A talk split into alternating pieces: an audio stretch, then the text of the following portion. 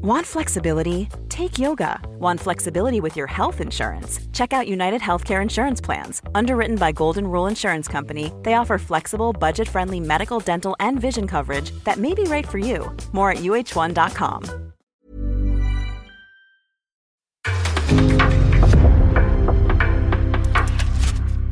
En podcast från Aftonbladet. Avsnittet presenteras av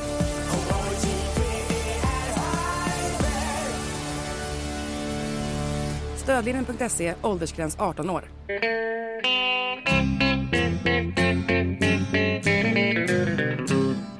Hello out there, we're on the air. It's hockey night tonight. Tension grows, the whistle blows, and the puck goes down the ice. The goalie jumps and the players bump, and the fans all go insane. Someone roars, Bobby scores at the good old hockey game. Oh, the good old hockey game is the best game you can name.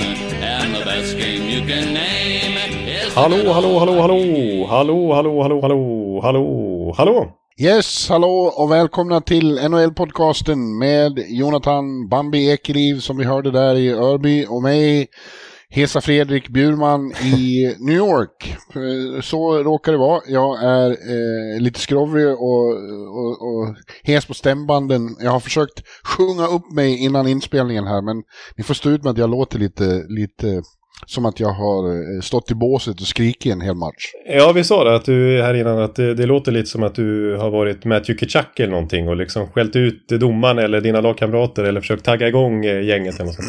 Ja, jag är, jag är helt enkelt lite som alla andra, är banged up eh, Ja. så här långt in i slutspelet. Så är det.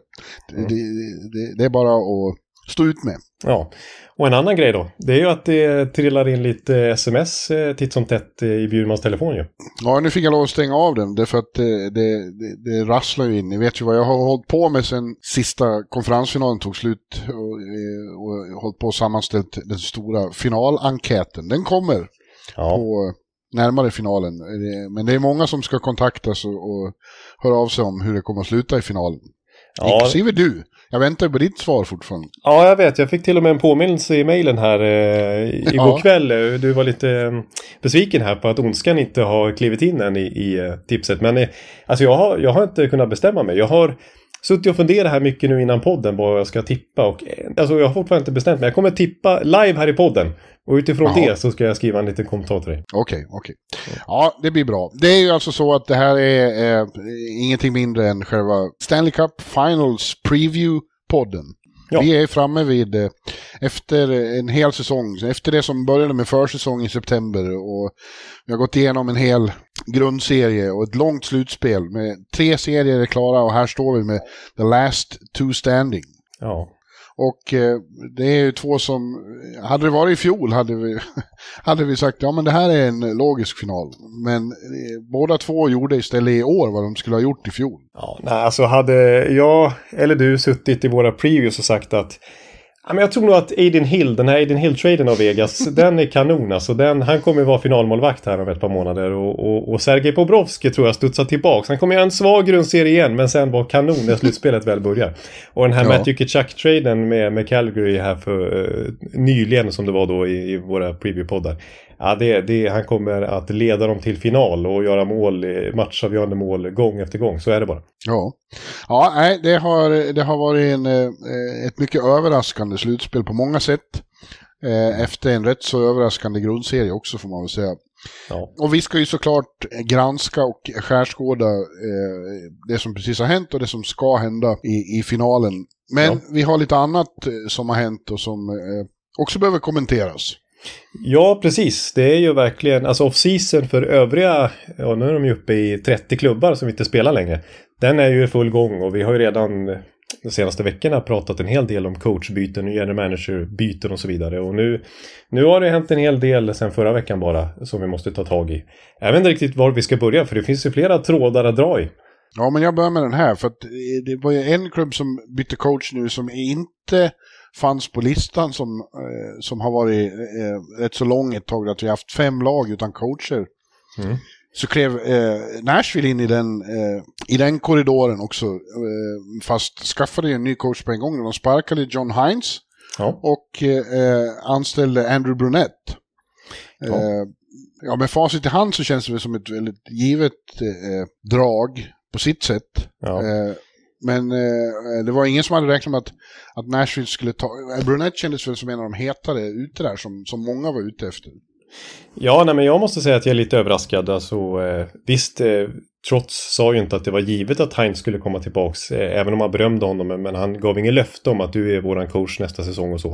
Eh, nu är det ju lite, sägs det att det är från coachkollegiet till Heinz här att det är lite besvikelse mot Trots tidigare coach själv då, hur Heinz har behandlats här. Att, liksom, ja, om det nu var så, så att, länge liksom. Ja, att om det nu var så att de skulle gå vidare med en ny coach hade de kunnat meddela Heinz tidigare.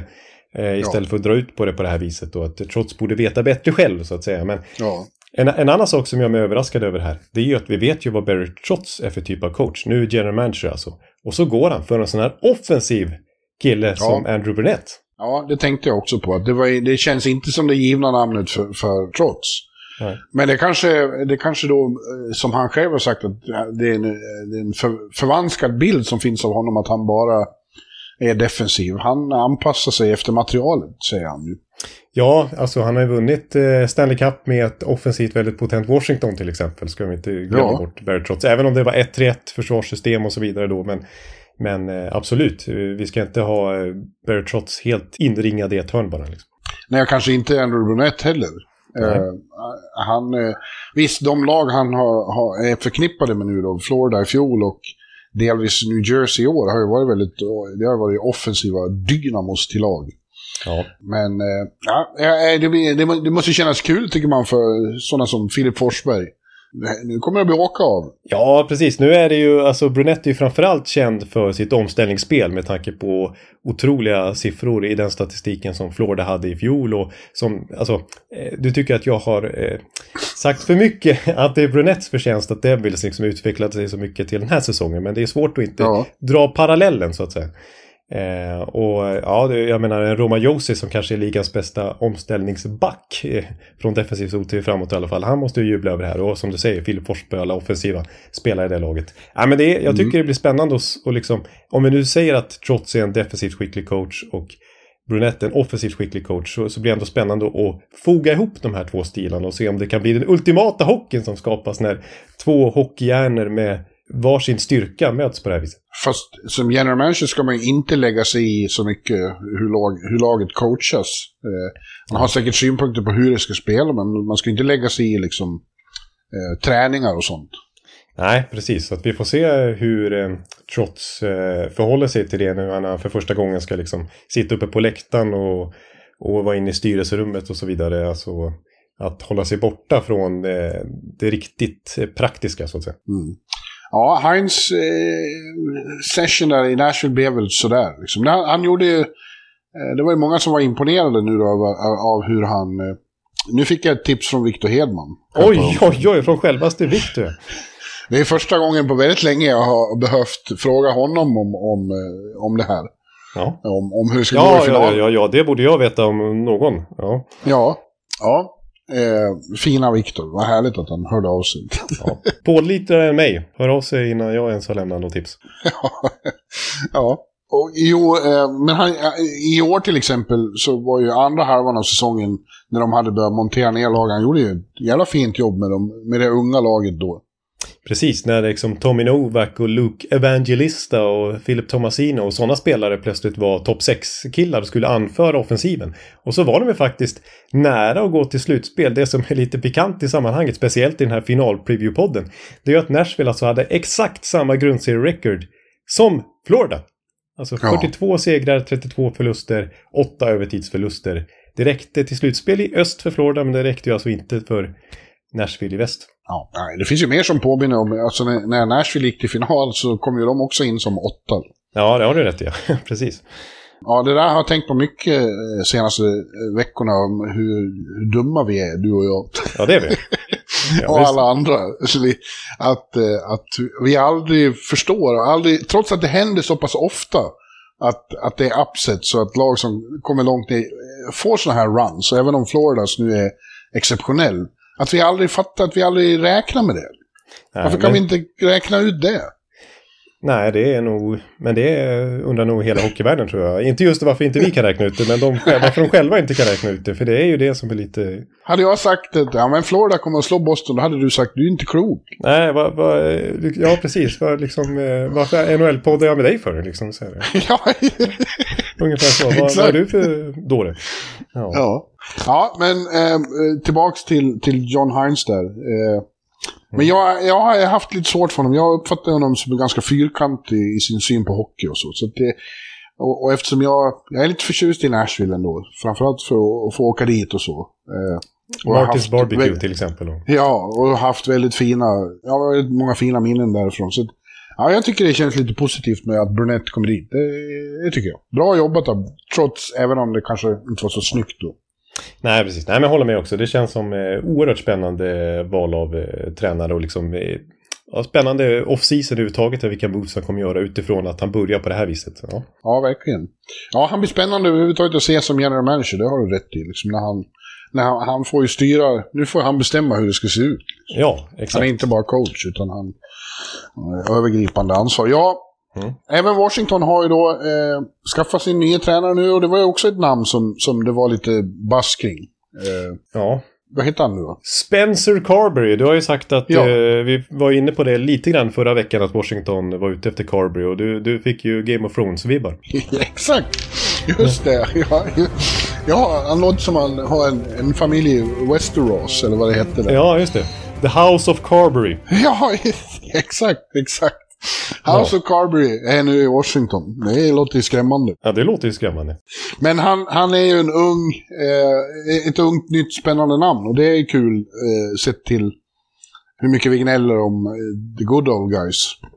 Ja, precis. Eh, och han verkar ju ha varit rätt eftertraktad, eh, Carberry, alltså för att dels sägs det ju att han har varit och intervjuats i Nashville av just Barry Trotz och varit ganska seriös kandidat även där. Han har varit i Anaheim och blivit intervjuad. Han har intervjuats av Rangers också. Eh, till, så till den grad eh, att han faktiskt eh, fick ett ganska saftigt kontrakt för att vara första gångs headcoach i NHL så att säga av Washington nu. Han fick ju faktiskt ett fyraårskontrakt direkt. Eh, och det snackas om hyfsat saftig lön också för att vara rookie som NHL headcoach. Så att, eh, han hade till och med lite leverage så att säga. Coolt. Ja, det, det, han är svår att bedöma för oss. Ja. Eller hur? Eh, jag menar, du, du brukar ha en sån här bild, förskönad bild av de här unga Sheldon Keefe och, och Dallas Eakins och de här. Är han ja. en, en sån som du har haft ögonen på också? Men lite spännande är han ju. Han är ju en sån där som har eh, varit framgångsrik på lägre nivåer. Han, och han har ju tillhört just Washingtons organisation tidigare ska vi säga. Han hade coachat både deras ECHL-lag och AHL-lag. Och i båda ligorna har han vunnit Coach of the Year faktiskt. Eh, och så ja. fick han ju då chansen eh, handplockad av Sheldon Keefe och Kyle Dubas till Toronto för två år sedan. Eh, och framförallt som en offensiv coach faktiskt i, i den tränarkonstellationen. Eh, och fick ju ta över Torontos powerplay. Och tittar vi på det i alla fall så har vi lite handfasta siffror som säger någonting om Spencer Carberry. Att när han tog över så hade de precis haft det 16 bästa powerplayet i ligan den säsongen. Eh, sen dess på de två säsongerna efter det så har de haft det näst bästa powerplayet procentuellt sett. Eh, mm. Så att där eh, gjorde han ju stor skillnad för Toronto. Eh, så att det är ju också lite av en offensiv coach det här får vi säga framförallt. Lite speciellt, om vi ska säga liksom Torontos PP under Spencer Carberry så var det ändå den största skillnaden var väl att han gjorde det lite mer rörligt och lite mer flytande positioner. Och ja. får vi se om man kan få Ovechkin att röra sig ur den där vänstra teckningscirkeln och, och, och Bäckström att det inte står i motsatt teckningscirkel. Han är inte den rörligaste i powerplay heller, så vi får se hur den eh, krocken blir. Ja, de befinner sig i en intressant situation överhuvudtaget, Washington. De har en åldrande kärna som kommer att bestå, men de behöver ju liksom få mer fart på ungdomen och få in mer ungdom i det där laget och försöka växla in i, i en ny era på något vis. Ja, det blir spännande att se Brian McLellan. Han har ju redan eh, påbörjat det. Dels genom att eh, anställa Spencer Carby. Det känns lite som åt det hållet i största allmänhet. Men vi såg också vid trade deadline när Dimitri Orlov försvann. Ja. Och Rasmus Sandin kom in. Eh, och nu har det varit lite snack om att eh, Evgenij Kuznetsov själv gärna vill bort och har till och med lämnat in en trade request. Det har han själv sagt att det är mest spekulationer bara och att han eh, gärna stannar. Men det har varit upprepade uppgifter både i Nordamerika och Ryssland om att han gärna vill bort. Och, och eh, Brian McLellan har ju för första gången öppnat lite för här under våren när det var exit-intervjuer för Washington till exempel att det, det, kan hända saker i kärnan. Så jag tror till exempel ja. att Kuznetsov kan vara, vara, vara nästa liksom core-spelare som ryker. Ja, vi får se det. Det är också, det tror jag vi var inne på redan förra veckan, att det är lite eh, ja, noterbart i alla fall att, att det alltid är så att när man har haft en coach som Lavaliette, en av the good old guys, ja. då blir det gärna en reaktion åt andra hållet, att man vill ha någon helt ny ung. Ja. Och sen när, det, sen när det inte har misslyckats, då heter det att vi behöver någon med rutin. Ja, precis, då är det mm. nästa coach. När, när, nu tar vi in Mike Joe. Då är Mike Joe tillbaka i NHL igen och, ja. och coachar Washington 2024. Liksom. Ja, ja. Det blir, det blir ju, eller hur? Det är ofta så. Ja, det är otroligt ofta så. Eh, ja. Det är ju lite som vi är inne på i Calgary nu när de har haft Daryl Sutter. Då vill de ju ha något helt annat nu. Ja. ja, men där har vi inte sett någon ny coach än, har vi? Nej. Nej, där har vi faktiskt inte sett någon ny eh, coach. Eh, där snackas det ju lite om, det är ju visserligen inte någon helt annan, liksom helt nytt namn då, men det pratas om att de har varit i kontakt med Gerard Galant här. Och att han är ja, ett hett namn för Calgary. Ja, det skulle jag tro. Eh, jag såg också, det, det, var ju spekulationer om att trada Elias Lindholm till Columbus. Eh, ja. Att de skulle trada till sig tredje val mot Elias Lindholm och låta Elias återförenas med Johnny Hockey. Eh, intressant. Ja, och det är ju mycket som talar för att det där tredje valet i så fall är eh, Leo Karlsson. Ja, exakt. Ja, det ser man. Ja, jag har faktiskt det hört lite sådana spekulationer också. Det skulle väl vara, det skulle vara perfekt för Johnny och Elias, tror jag. Precis, och jag, jag vet, det kanske, av, jag skulle säga så här i alla fall, att av de, om vi tar Columbus-perspektivet, så av de lagen som har höga draftval den här sommaren så är väl Columbus kanske det laget som kanske då skulle kunna tänka sig offra sitt. Eh, för att de ändå är, de har en hel del talang och de är samtidigt ganska många etablerade spelare. De, de, vill ju, ja. de, inte, de är inte så tålmodiga. Jag tror att de är, med Johnny Hockey och så vidare, att de vill växla upp redan nästa säsong. Och inte vänta ja, till 2025 eller så. Det har du helt rätt i. Ja. ja. Men du, apropå eh, Calgary då, så har, verkar det nu helt klart att, att Brad Trelving blir ny general manager i Toronto också. Då. Ja, alltså när vi sitter och spelar in det här har det inte bekräftats av Toronto men det kommer massa uppgifter här på onsdagsmorgonen när vi sitter här och pratar. Eh, att det är klart att han kommer presentera sig under onsdagen, att det blir presskonferens under torsdagen då. Eh, och att han helt enkelt blir Kaldubas ersättare med kort varsel här när det är en viktig sommar som Toronto har framför sig. Ja, och jag har redan sett spekulationer att de vet hur han tänker och så att han, att han förmodligen behåller Sheldon Keefe. Ja, jag har förstått också att det, det, är ingen självklarhet att han ska välja sin coach på det viset. Att han ska bara gå in och markera direkt. Utan att han har förtroende för Keefe ju.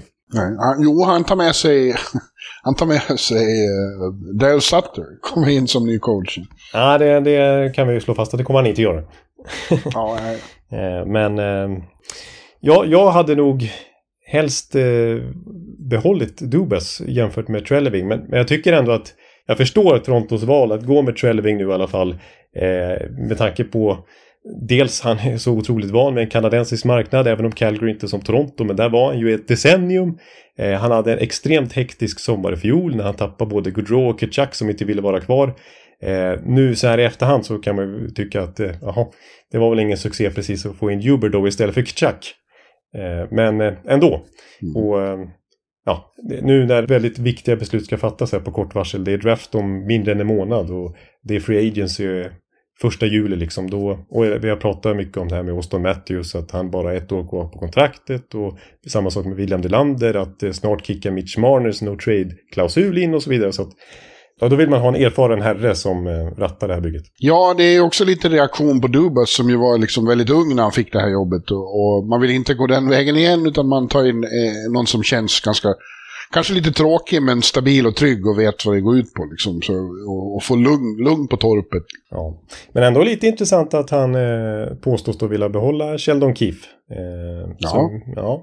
Med tanke på alla slutspels-exit här. Men Nej, det känns ändå som att Keith har ganska hög status trots allt. Det tror jag. Jag, jag tycker han verkar väldigt bra som person och jag tror att han...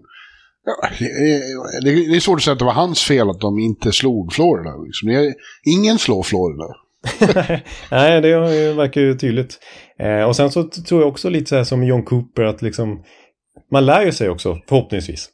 Ja. Av, av all, allting liksom. Och de vann ju faktiskt, de lyckades ju faktiskt slå ut Tampa här i alla fall eh, ja. i första rundan. Sen eh, gick det inte mot, mot Florida, men ah, jag, jag kan förstå om Trelling faktiskt behåller Keith. Ja, jag med.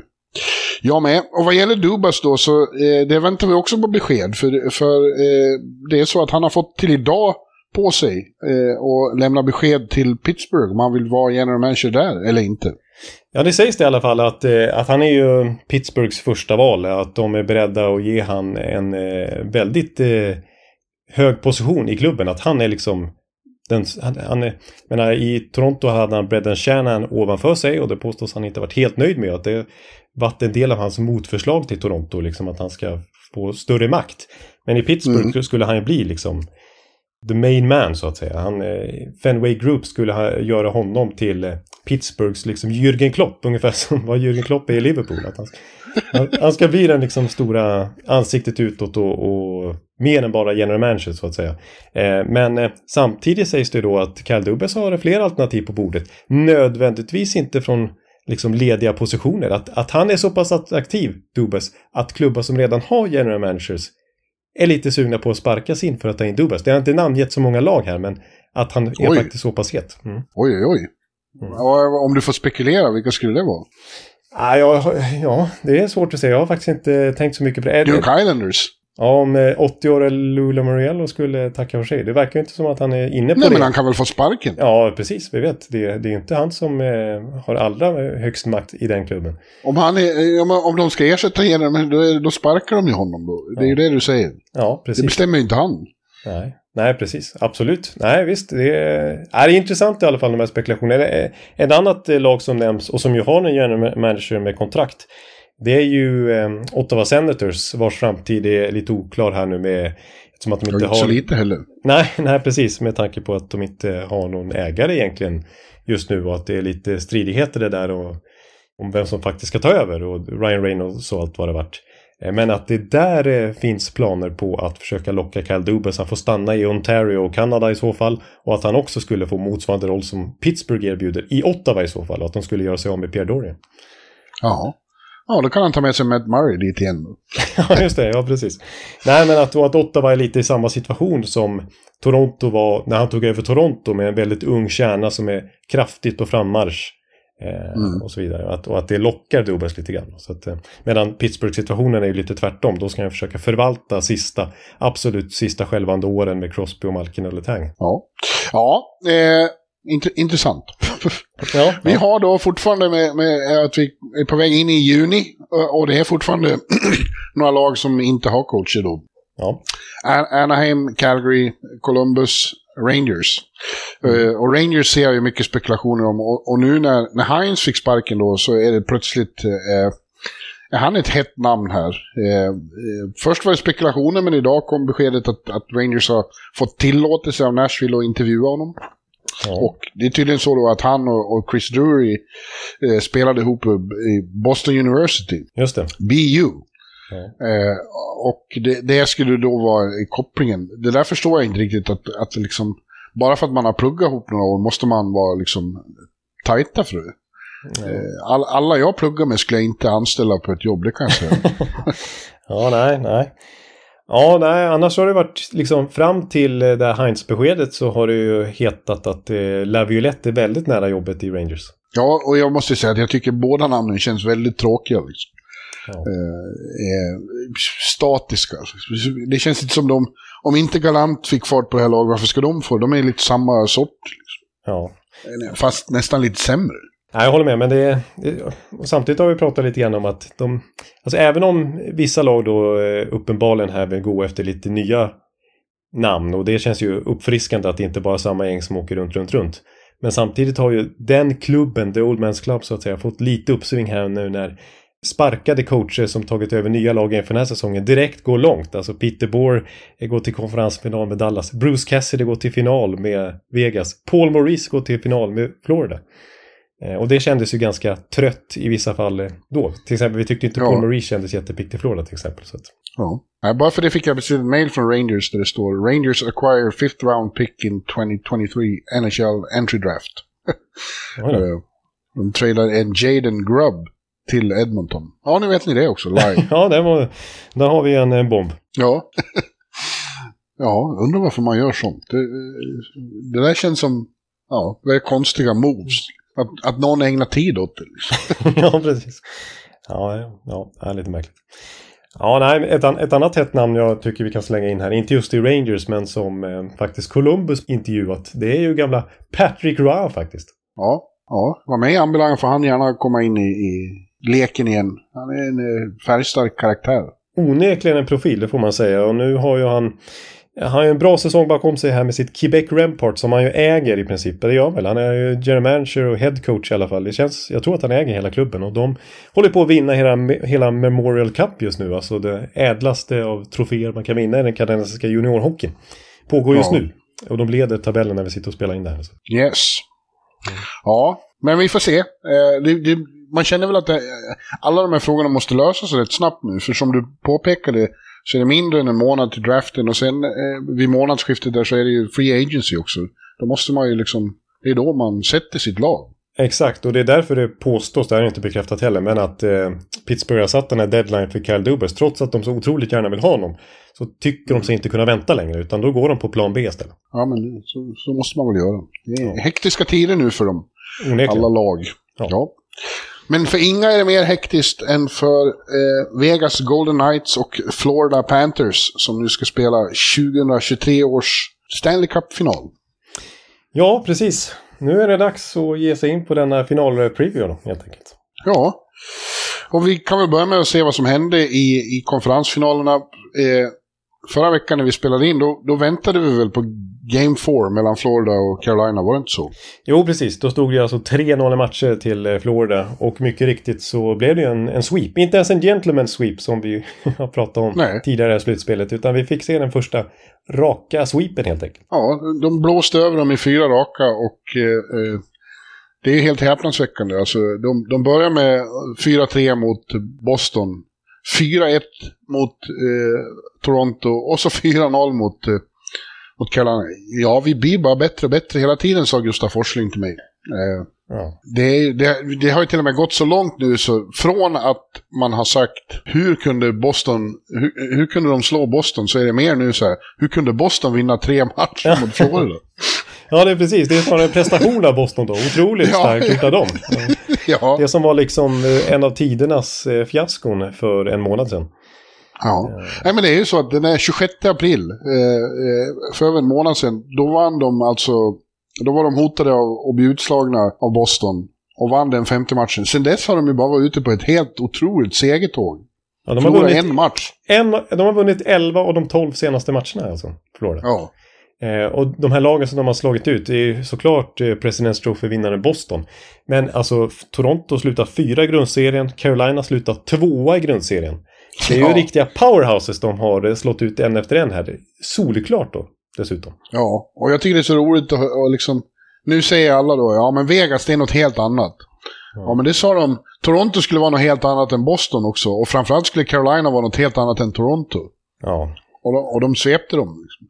Ja. Det är ju något, eh, det är något eh, fuffens i luften här. Alltså det är något, eh, ödet har bestämt att, att Florida, det är Floridas år. Ja, ja det är precis. De är, de är, det är sällan vi ser ett lag som har så tydlig det-faktor som du brukar prata om.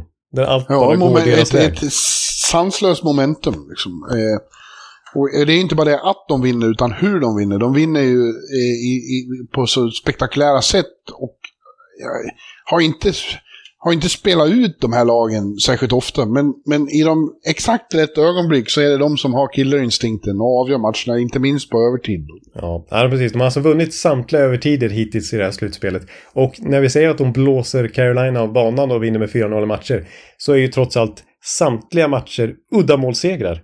Två ja. övertidsmatcher. En som alltså gick till, ja, det var ju nästa, var det, sjunde perioden till och med. Och 12 ja. sekunder kvar innan det hade blivit en åttonde period till och med. Så att det är ju minsta möjliga marginal i flera av de här matcherna. Men de vinner ju gång på gång. Så det är ju ingen slump. Ja. Nej, det är klart det inte är. Det finns någon som säger vilket flyt de har. Ja, men det flytet har lag som, som är ute på, på, på sådana här till synes predestinerade resor mot triumf. Eh, det, det, är det som är grejen, att alltid hitta sätt att vinna, inte spela bäst. Eh, jag, jag, får ju den där känslan att det är något eh, med, med ödet. Liksom. Och de, det, det var vi också inne på förra veckan, det här otroligt eh, nästan provocerande att de inte tycker det är jobbigt. De har bara kul. Ja. Jag vet inte, hur, varje gång han pratar, Matthew Kitchak, så pratar han om hur roligt det är hela tiden. Och ler. Ja. Det är aldrig något om oj vad vi har fått betala, vi har fått offra och blod och svett. Nej, det är kul det här.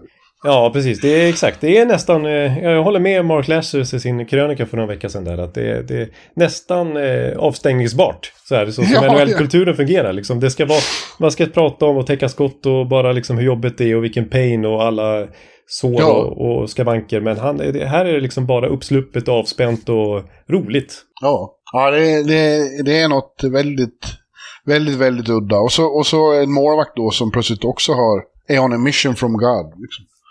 Ja. Eh, jag såg faktiskt om, eh, eh, jag såg det här, vad heter det?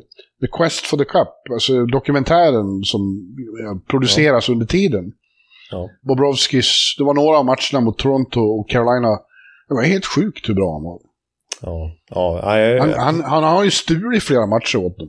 Exakt, för det är klart att att man måste liksom, är, att man måste lyfta fram Matthew Kachak och vi har ju inte ens sagt än att han liksom, han avgör alltså tre av fyra matcher ja. i den här konferensfinalen. Och han har ju assist på det, den enda matchen han inte avgjorde heller själv. Eh, så han var inblandad i samtliga avgöranden i allra högsta grad. Men ändå så är han ju starkt utmanad om Conn Smythe-titeln så här långt av Sergej Bobrovsky. För att ja. eh, visst, Ketchak har avgjort matcherna men det är ju Bobrovsky som i mångt och mycket har stulit matcherna. Ja, det är väldigt svårt att, att, att skilja dem åt vad gäller Conn Smythe. Alltså. Eh, men ja. Ja, jag lutar åt Chucky ändå. Därför att eh, aldrig sett på maken någon som avgör så mycket. Ja, alltså totalt sett så har han ju varit inblandad i åtta av tolv matchavgörande mål hittills i slutspelet. Det är ju... Ja. Det finns ju inte. Ja, sanslöst. Ja. Men Bobrovski då, han, han är på... han, hans, smeknamn, hans gamla smeknamn är ju uh, Big Game Bob. ja, det, det är och, mer passande just nu än Bobrovski. Ja. ja, det är det verkligen. Uh, ja, sanslöst. Men om vi tittar på Carolina då, stackars, han, han sa ju deprimerat, eh, Rod Brindamore, att eh, det jobbigaste med det här är att folk kommer att se tillbaks i historien så har ni blivit svepta. It wasn't like that. It wasn't like that, sa han flera gånger. We, uh, we, were, we were right there. Och eh, ja, det var de ju. Det var ju uddamåls eh, förluster alltihopa, men, men det, igen, skäl till det. Ja. Och eh, de, de håller på, Carolina håller på att bli lite som Washington och San Jose, liksom, när de var fantastiskt bra men aldrig fick till det i slutspelet. Ja, men jag, ja, jag kan förstå den parallellen och lite så känns det ju. Det tar ju stopp till slut för dem hela tiden. Oftast har de inte kommit så här långt. Dem senast, nej, men några gånger har de gjort det. Om du ser hela senaste fem åren så har det varit liksom, har de har det hela tiden hetat nu är det deras tur. Och så, mm. det minns jag att så var det alltid med San Jose och, och, och ja, du vet. Ja, men det är ju under den här Rod Brindamore-eran ju. Eh, innan dess gick de ju inte ens till slutspel. Eh, men absolut, de var ju konferensfinal mot Boston. Det var väl 2019 där när Boston gick till final. Då blev, det, då blev de också svepta. När de väl kom till konferensfinal. Men ja, samtidigt det som stämmer överens med Rod Brindamores citat det är ju vad, vad de sitter och säger i exit-intervjuerna. Inte bara Don Waddell som general manager utan även Tom Dundon, ju, ägaren, sitter och säger att Nej, han vill ha tillbaka i stort sett hela laget. Han tycker att de är bra, det här är ett steg i rätt riktning och de är nära.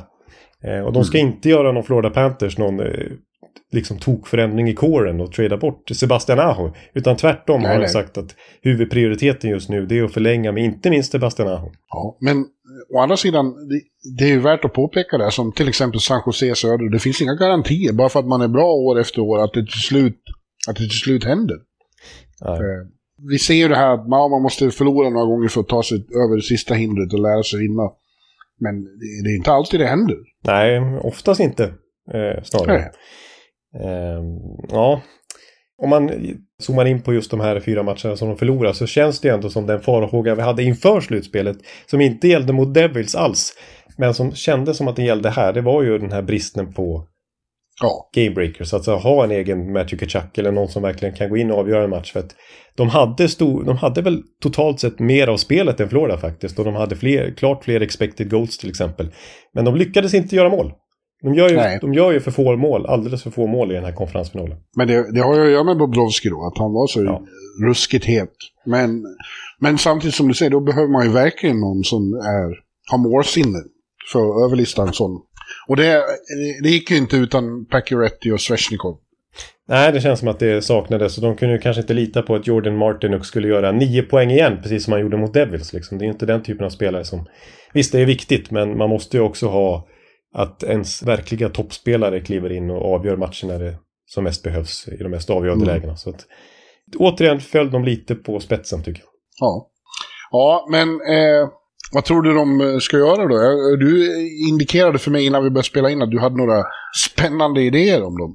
Ja, jag har lite idéer apropå spets, hur de ska kunna förbättra det här laget. Eh, jag läste precis innan vi eh, började spela in här eh, lite kommentarer från Don Waddell på deras exit-intervjuer där. Att, som inte talar för de här spelarna som jag ska presentera för dem som potentiella nyförvärv. Det är inte linje med det, för han pratar om att vi ska ha lite mer tyngd tycker han. Mm. Men Ja, jag, jag eh, är mer inne på spets och målgörare här som, som jag vill ha in i det här laget. Och eh, grejen är så här, jag tycker de har en väldigt stor chans just nästa år.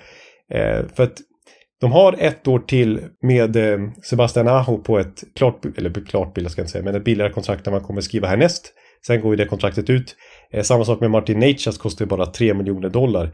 Även kommande säsong, sen ska han ha en rejäl löneförhöjning efter det. Så att och de har mycket löneutrymme nu. Visst, det, det, överhuvudtaget är det en, en sommar där eh, Don Waddell kommer sitta extremt mycket med vid, vid kontraktsförhandlingsbordet för att det är sådana som Jesper Fast och Jordan Ståhl har utgående kontrakt och båda målvakterna har utgående kontrakt. Så det är mycket att, mycket att bestämma sig kring.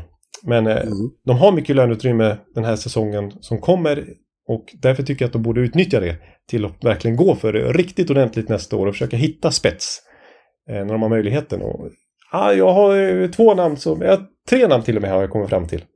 Mm. Eh, och eh, som jag tror är tillgängliga då. Eh, som de kan byta till sig. Eh, och det första namnet, det är William Nylander. Ja, oh, wow. Ja. Wow. Det var spännande. Han har tidigare har sagts att Tom Dundon är väldigt förtjust i honom och att eh, Carolina har ryckt i Nylander tidigare och vi får se nu hur Trelleving agerar. Men eh, Nylander har ju bara ett år kvar på sitt kontrakt och Toronto sitter ju ännu mer, eh, sitter ju väldigt prekärt till löneutrymmesmässigt och kan få svårt att eh, förlänga med Nylander om han ska få ett marknadsmässigt bud liksom. Så att jag tror han kanske kan vara tillgänglig och det är ju spets och powerplay-kompetens som man skulle få in då i så fall. Eh, inte, inte tyngd precis som eh, som Waddell pratar om. Men det är spets tycker jag. Verkligen. Nylander och Aho känns som ett ganska bra par. Ja, det kan man säga. Eh, och en, en spel som jag inte tror att du är så förtjust i, men som jag tror är tillgänglig. Eh, och som inte har bevisat sig i slutspel, men som kanske kan skärpa till sig under Rod Brindamore. Det är ju då Mark Scheifele som vill bort från Winnipeg. Ja, ja fast jag förstår absolut. Han har ju sina sidor, men det, det finns ju väldigt mycket hockeypotential där. Precis. Absolut. Både han och Nylander över 40 mål i grundserien i alla fall eh, gångna säsongen. Och han är ju mitt i sin prime Scheifele så det är nu han borde vara som bäst liksom. Eh, ja. Och bara ett år kvar på kontraktet han med. Eh, kan komma att tradas från Winnipeg den här sommaren. Eh, och mitt mm. tredje alternativ som inte är på samma nivå, men som det pratas om eh, en trade kring, som är en målskytt och som jag tror skulle passa perfekt in i Rod Brindamores hockey. Det är faktiskt, och det här tror jag inte du har hört så mycket om att han skulle vara tillgänglig. det är då hackspetten från Kusmark. Viktor Arvidsson. Nej, varför skulle han vara tillgänglig för? Ja, men Elliot Friedman faktiskt eh, har ju varit inne på det att eh, LA Kings som sitter också väldigt nära lönetaket där klistrade. Att de är väldigt måna om att försöka förlänga med Gavrikov som de bytte till sig vid trade deadline. De har inga pengar till det just nu. Men att Arvidsson skulle kunna vara en spelare de kan tänka sig offra för att befordra någon av sina, de har liksom Byfield och Kaljev och alla de här unga talangerna de har, att de då skulle offra Arvidssons lön med bara ett år kvar på kontraktet till något lag eh, för att få plats med Gabrikov istället. Eh, mm -hmm. Och jag tänker att eh, inte Arvidsson den typiska eh, Rod Bridgemore-spelaren. Alltså med jo, det, det energiska. Ja. Eh, lite, och, och, sen så dessutom liksom varit uppe och snuddat på 30 mål många gånger i karriären. Eh. Ja, när han är frisk så är han ju ett offensivt vapen, verkligen. Och det började han ju bli här i slutet av säsongen. Äntligen har fått ordning på ryggen och så. Ja, eh, ja jag, absolut skulle jag kunna se honom i Carolina. Ja, alltså jag försökte tänka ut några namn som skulle kunna passa i där Carolina för att spetsa till dem lite ytterligare. Ja. Där de har chansen med löneutrymme nästa år, till skillnad från många andra konkurrerande contenders. Ja, Ja, eh, innan vi kommer in på själva finalen så måste vi titta på den andra konferensfinalen också då. Där, mm. där Vegas till slut slog ut Dallas med 4-2. De hade ledning med 3-0. Eh, och sen vann Dallas två matcher och det började kännas som att eh, inför Game 6 då i Dallas att det här, det här kan bli riktigt spännande. Dallas kan tvinga fram en Game 7 som skulle ha varit ikväll då i, i Vegas. Ja. Men eh, det blev det ingenting med. Nej, precis. Det blev ju 6-0 till Vegas i ja. Game 6 i Dallas. Det var ju inget snack om saken till slut. Nej, och det var en fruktansvärt bra match av Vegas. De, när de, då, då spelar de på toppen av sin förmåga skulle jag säga. Ja. Vilket de inte hade gjort i de två föregående matcherna. Och eh, då var det klasskillnad. Ja, precis. Det var liksom, de var först på varenda puck. Det var framförallt liksom attityden eh, ja. som skilde lagen åt. Alltså. Ja, de iscensatte en fruktansvärd eh, forechecking direkt och gick liksom med en fruktansvärd aggressivitet till, till anfall själva. Ja. Och eh, Dallas såg lite handfallna ut helt enkelt av vad som hände. De, eh, DeBoer var tvungen att erkänna det efteråt. Eh, Vegas kom upp på en ny nivå och det gjorde inte vi. Nej, precis. Och, de, de, de, och tvärtom då så lyssnade Vegas spelare på sin coach då, Bruce Cassidy. För han sa ju efter de här två förlusterna, att, och framförallt den den förlusten i Game 5 där att det liksom, det, det, vi sprider för mycket puckar, det är, för, det är inte tillräckligt påkopplat och nu måste vi spela Vegas hockey igen och liksom vara först på varje puck igen. Och ja, det var ju precis det de var, de kom ut precis så som han vill att Vegas ska spela. Ja, han sa ju efter Game 5 sa han att eh, vi gav bort 24 puckar. Jag är inte säker på att man slår Arizona Coyotes i januari om man slår bort 24 puckar. Nej. Och så, och så la till så uh, uh, No disrespect to Arizona, eller hur? Ja, det var ju en jättediss liksom. Det var ju svårt att, svårt att bara lägga till då, no disrespect.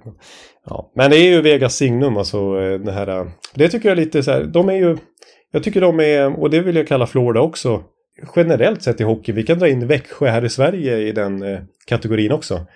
Eh, liksom den här typen av hockey som är vinnande i slutspel och så här. Eh, som är hög forechecken och så vidare. Det handlar inte om att man ska åka runt och tacklas och spela fysiskt på det viset.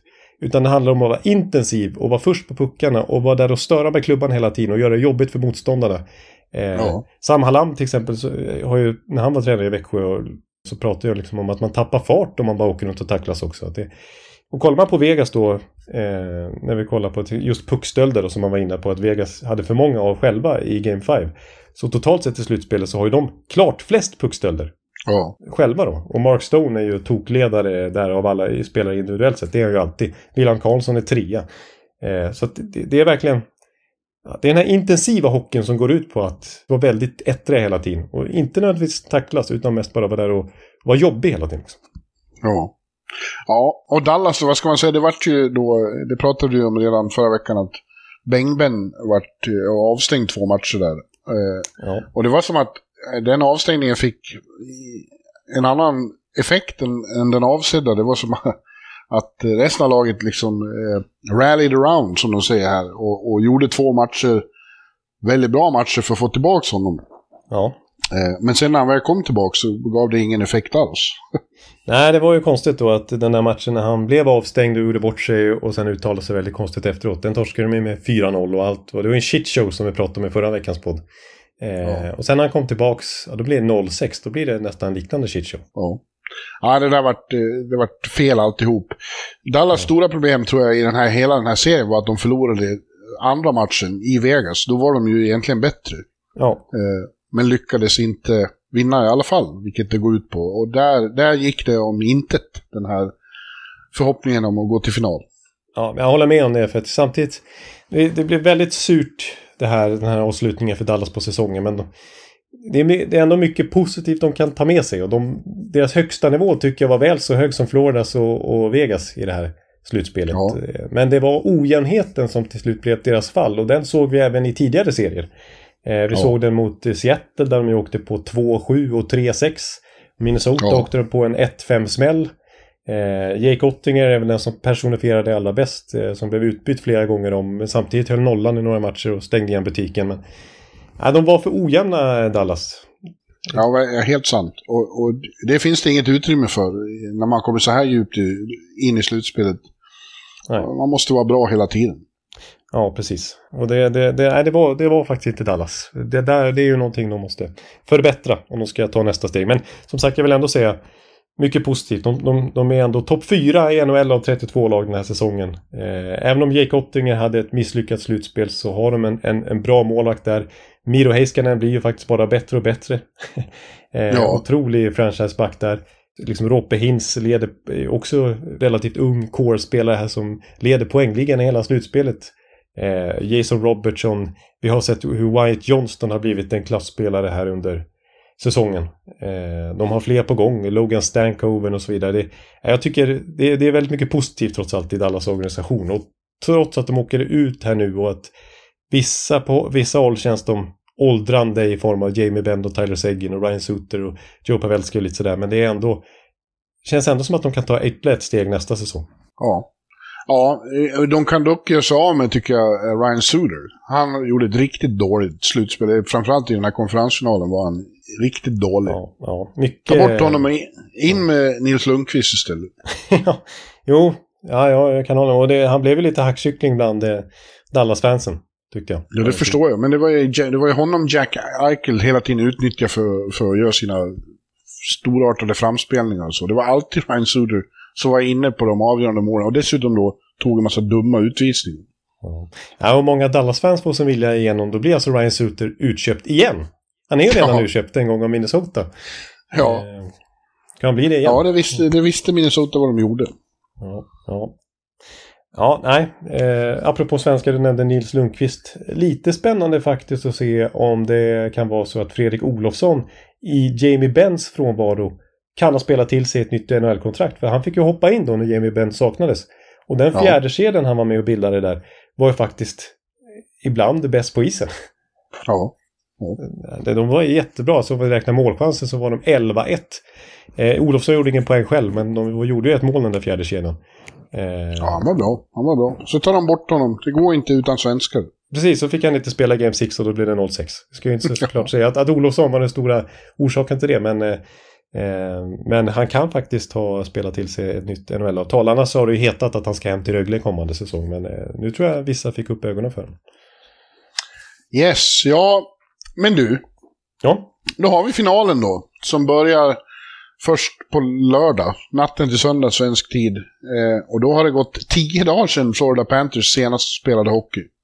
Det är ett lite tungt, lite väl långt avbräck det. Och jag hör somliga som pratar om historien, till exempel Ottawa, eh, reporterna säger att eh, när, när Senators fick vänta sju dagar 2007 så hade de tappat allt momentum. Ja. Det är inget, inte helt lyckat. Nej, det, det, kan väl vara det som är hotet mot eh, det-faktorn i Florida. Att den kanske har försvunnit här någonstans eh, i nästan, under nästan två veckor utan att vara matchtempo. Ja, fast de har en sån attityd så jag tror man, får, man känner att det ska inte betyda någonting. Och samtidigt fick de ju vänta länge innan de klev in mot Carolina också i och med att de gjorde ja. processen kort med Toronto. Ja, jag tror ju så här. Jag tror att egentligen är Vegas ett, ett, ett lite bättre lag än, än eh, Florida. Ja, om man ser i helheten med djupet och så. Ja. Men eh, Boston, Toronto och Carolina var också lite bättre än Florida. Ja. och det hjälpte inte. Jag, jag har fått för mig att det, det går inte att stoppa Florida. Det är ödesbestämt att, de, att Matthew Kitchak kommer att åka omkring med bucklan i, i en arena. Ja, det, det känns verkligen så. Och jag kan väl säga nu då, för jag har kommit fram till det. Jag tror jag kom fram till det till slut innan podden här. Men att jag kommer tippa Florida. Ja. Och jag tippar 4-3 matcher, för jag har svårt att se ändå att de ska kunna städa undan Vegas bara också. Eh, Men, ja, men du eh, hade aldrig kunnat, om jag hade sagt de sveper Carolina, då hade du också sagt jag måste hitta en ny poddpartner. Ja, grejen var att jag sa ju i det avsnittet, vår preview för konferensfinalen, att jag, blir, alltså jag trodde det skulle bli jämnt. Eh, det var ju det jag utgick från då. Men samtidigt har jag lärt mig att jag inte ska bli förvånad i det här slutspelet. Men det som skulle göra mig förvånad är om Florida sveper Carolina. Och så var det ja. precis det som hände, så att jag är ju helt ute och cyklar. Ja. ja, vi får se. Eh, men eh, ja, det är ju samtidigt sant att, att, Vegas är lite annorlunda än de här lagen de har eh, stött på. Framförallt är de ju mycket större och hårdare. Och, och mm. de här backarna de har i Vegas, de är fan inte lätta att tas med. Nej, det pratas mycket om det, Vegas eh, fyrtorn, som du själv har påpekat eh, när du har klivit in i Vegas omklädningsrum, att det är ju något, eh, man blir nästan lite skrämd. Ja, och sen har de det här liksom, de, de har ju några stjärnor i Eichel och Stone och så, men det är också ett väldigt mycket komplett lag där det nästan varje kväll är olika eh, karaktärer som kliver fram och gör mål. Ja, precis. Det är ju det är allt ifrån, det kan vara William Carrier, deras fjärde kedja. Det kan Ja. vara någon back, det kan vara ja, men det kan vara Marshes har jag inte minst sett. Men det kan vara, ja, det kan vara egentligen vilken kedja som helst. Där. De känns väldigt... Chandler Stevenson ska vi ju lyfta fram också. Ja. Det finns många där som... Och William Karlsson, Wild William Bill. Karlsson, ja. ja. Han var ju grym i den här eh, sista. Han gjorde två mål och spelade fram till ett. Och nu har han gjort tio mål i, i årets slutspel och har finalen kvar. Eh, med lite flyt så kommer han att slå han svenska rekordet. Vet du vem som har det? Är det Franzén eller? Nej, nej. Han är tvåa. Nej, det är Alf- Alfie förstås. Alfie, 2007 gjorde han 14 mål i slutspelet. Just det. Ja, det glömmer man bort lite grann. Just det, det är klart han gjorde. 29 tror jag det var Franzén gjorde 13 och 2008 gjorde både han och Z12. Det är toppen. Just det. Och så Ja. gjorde Landeskog 11 i fjol. Det var ju också väldigt bra. Och, och Men, eh, Viktor nu har varit vi- uppe på 10, tror jag. Ja, Som back. i, i bubblan gjorde han 10. Mm. Skulle förvåna om han inte gör några mål till. Eh, Wild Bill. Han är ju i, i 2018-form i det här slutspelet. Ja, det är han faktiskt. Han är gamla, han är precis målskyttstakter igen. Och samtidigt Ja. då den här matchup-centern som har eh, nollat både Dreisaitl och McDavid till exempel. Ja. ja Eh, han är, det är folk som säger om nu Vegas vinner så är det folk som, som har William Karlsson som Conn Smythe-kandidat. Ja, det är faktiskt så. Det är inte bara eh, vi med blågula glasögon som säger det, utan det lyfts ju fram William Karlssons otroliga siffror i det här slutspelet. Inte minst defensivt. Men också då att Ja, jag, han, jag har inte sagt hans namn än, men det finns andra som, eh, som verkligen har gjort det. Ja. Nej, precis. Det är det som är... För det kan man visserligen säga om Carolina också, men skillnaden mot Carolina för Vegas är att de har lite mer spets. Det jag vill komma in på är de här 5 mot 5 maskinerna. Ja. Eh, och, och Vegas är ju verkligen en sån. Eh, och det ska bli spännande att se då eh, till exempel William Karlsson som ju är så otroligt bra. Alltså det kanske blir matchup-duell här nu mot Kachak. Ja. Eh, om vi kollar deras 5 mot 5 statistik, exakt identiskt när det kommer till hur många mål de varit inne på framåt och bakåt. 14-5 för båda två. Vem ska ge sig nu liksom? Ja, ja det, blir, det blir en dragkamp, verkligen. Ja, Ja, och sen blir det också intressant då med målvaktsmatchen. Som du, som du nämnde i början av avsnittet, vem fan hade kunnat tro att Aiden Hill skulle vara en potentiell finalhjälte. Men han har ju varit riktigt, riktigt svinbra sen han kom in och höll ju faktiskt nollan två gånger i konferensfinalen. ja nej precis. Jag, lite rolig kommentar där efter den där shitshowen som vi pratade om i Dallas när han fick popcorn kastat på sig.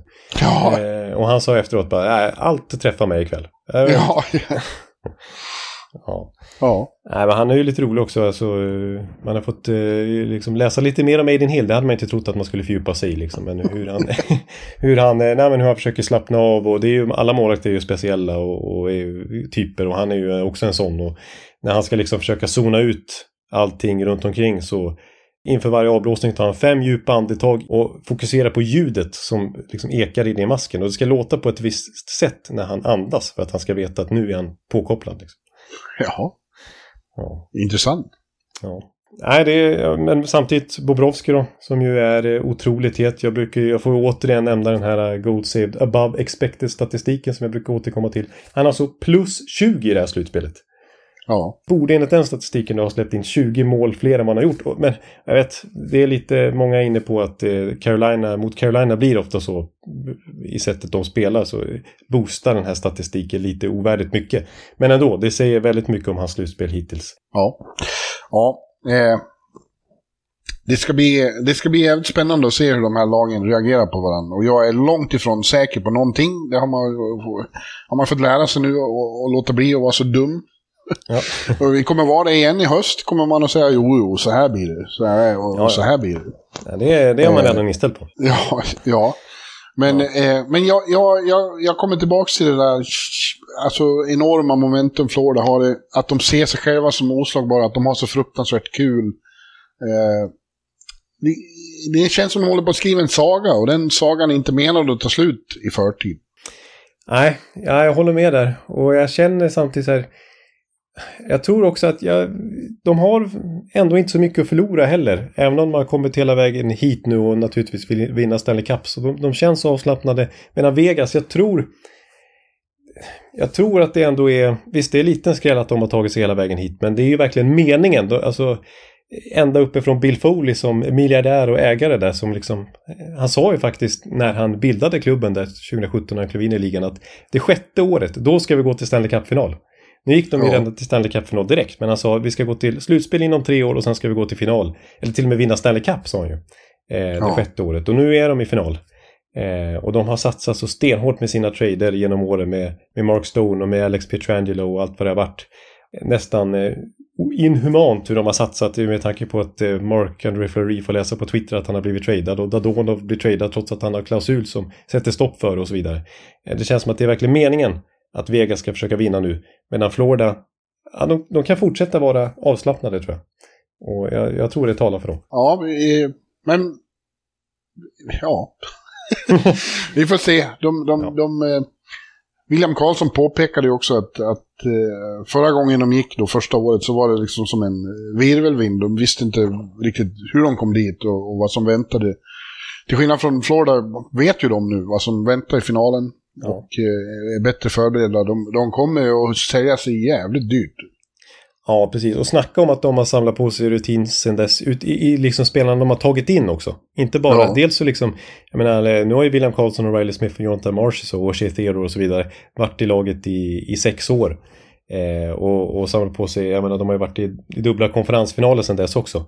Totalt sett i laget har de alltså sex Stanley Cup-mästare, 17 spelare som minst har varit i konferensfinal. De har, de har Ja. fler NHL-matcher i sitt lag än vad Tampa Bay Lightning har till exempel. Så det är ett otroligt Ja, det- erfaret lag och det tror jag är nyckeln till att de har varit så skickliga på att avgöra matcher och, och avgöra jämna matcher. Precis som Florida visserligen har varit också. Men att Vegas har ju varit mästare på att hitta sätt att vinna så att säga. Ja. Ja, du. Det, det blir jävligt spännande. Eh, och eh, vi vet mer nästa gång vi hörs. Då eh, hörs vi väl från Florida, tror jag. Eh, Ja, ute i, i den ångande hettan. ja. Ja, det är svårt här. Alltså jag, försöker, jag hittar argument verkligen från båda håll här. Jag vet inte hur det kommer här bli. Alltså. Det är, jag, jag har inte vetat under hela slutspelet, uppenbarligen. Men, eh, Nej, men det känns ännu mer ovisst nu, det gör det. ja. Nej, 4-3 matcher till, eh, till Florida blir mitt tips. Och att Matthew Kitchuck avgör igen, precis som han har gjort hela det här slutspelet. Och får lyfta Conn Smythe. Du vill ha ut oss på så jävla mycket resor alltså. ja, just det. Det där gillar inte du att behöva åka kors och tvärs. Det är långa, hur långt är det mellan eh, Florida och Vegas rent i flygtid? Sex timmar. Sex timmar, oj, oj. Och så tre Men det är, timmars tidsskillnad. det, det är väldigt ont om, om direktflighter som går att använda, så det blir ju connections också. Oj, oj, oj. Ja. Ja. ja, då kommer det vara en hes bjurre i- efter Game 7 där i så fall. När vi ska prata om Matthew Kitchucks eh, bravader. Ja. Jag säger, jag säger 4 4-0. Nej, Oj. 4-2 säger jag till Florida. Jag kanske borde säga 4-0, de kanske sveper igen. Ja, det är, det är väl det mest logiska utifrån eh, vad vi har lärt oss Ja. hittills. Så. Ja. Ja, eller att Vegas ger upp efter tre matcher säger nej, vi, vi, vi, vi vill inte mer. Vi vinner tre raka. Ja, ja. Nej, men det, det blir ändå en... eh, Det är en rolig finalserie känns det som. Pratas ju inte om det som att det är så oklassiska lag och allt det här va? Och att det kanske inte blir de bästa tv-siffrorna i USA. Men... Eh, Nej, och inte Kanada heller. nej. Eh, men eh, ja, vi får en helt ny eh, Stanley Cup-mästare. De har varit i varsin final eh, tidigare. Då vart Florida svept av Colorado. Colorado 1996 och eh, vår, eh, Vegas fick stryka Washington med 4-1. Men nu kommer en av dem att vinna och vi kommer få ett nytt svenskt namn i, i bucklan. Vi har Ja. ju Gustaf Forsling i Florida och William Karlsson i, i Vegas. Och båda är väldigt bra. De är inga affischnamn, men de har gjort det riktigt, riktigt bra båda två, den här slutspelet. Ja, verkligen. Ja, vi har ju berömt Forsling i podd efter podd, men nu kan vi återigen lyfta fram honom. Ja. Över, jag säger det igen, jag sa det i förra veckans podd, men överlägset flest defensiva zonstarter i det här slutspelet hittills har Gustaf Forsling. Ja. Eh, och då har han ändå varit inne på betydligt mer mål framåt än bakåt. Och mött, ofta, precis som William Karlsson, mött motståndarnas bästa spelare. Så att det är ju, och blev förra veckan kallad av Sasha Barkov som en av ligans bästa backar. Väldigt subjektivt Ja. såklart när det är hans lagkapten som uttalar sig, men ändå. Det säger någonting om Gustaf Forslings otroliga utveckling. Yes. Ja, men du, eh, då säger vi, då säger vi tack för den här veckan. Ja, och så återkommer vi, vi brukar säga så här, mitt i finalserien då eh, nästa vecka. Men vem vet, det kanske är slut då. Nej, slut är det inte, men det, Ja, ja, vi hörs i alla fall nästa vecka under vilka förhållanden som helst. ja, det precis. Det har säkert hänt en hel del på off-season-marknaden också eh, kan vi räkna med att ja. prata om. Eh, ja. Så att, ja vi säger så. Och så får ni ha en... Eh, ja, jag låter dig liksom säga så här att det, det, får bli en härlig finalvecka nu. Du, du, du brukar vara så bra på det. Så att jag, jag tackar för mig nu och så, och så hörs vi nästa vecka. Nej men gud, nu sätter du mig on the spot. Men, men ja. okej, okay, ja. Eh, ha, eh, ha en riktigt, riktigt underbar Stanley Cup-final. Hallå, hallå, hallå. Hallå, hallå, hallå. Alex Chiazot, Joe Luis Arena och Esposito. Esposito. Uttalsproblem, men vi tjötar ändå. Och alla kan vara lugna, inspelningsknappen är på. Bjuder Hanna Kohl, han är grym i sin roll. Från Kållesoffan har han fullständig kontroll på det som händer och sker. Det blir ju allt fler som rattar in hans blogg. Och lyssna på hans podd. One, two, times speed, so Hallå, hallå, hallå. One, two, times speed, so Hallå, hallå, hallå. Ekeliv, som är ung och har driv. Verkar stor och stark och känns allmänt massiv. Han hejar på Tampa och älskar Hedman. Sjunger som Sinatra. Ja, och det ser man. Nu är det dags för refräng. Dags för magi, Victor Norén. Du är ett geni. Så stand up at home and remove your hats. Höj volym, för nu är det plats. One, two, times speed, so Hallå, hallå, hallå. One, two, times speed, so Hallå, hallå, hallå. One, two, times speed, so Hallå, hallå, hallå. One, two, times speed, so Hallå, hallå, hallå. Det är otroligt länge sedan båda samtidigt var så här bra. Hallå, hallå, hallå. Det är otroligt länge sedan båda samtidigt var så här bra.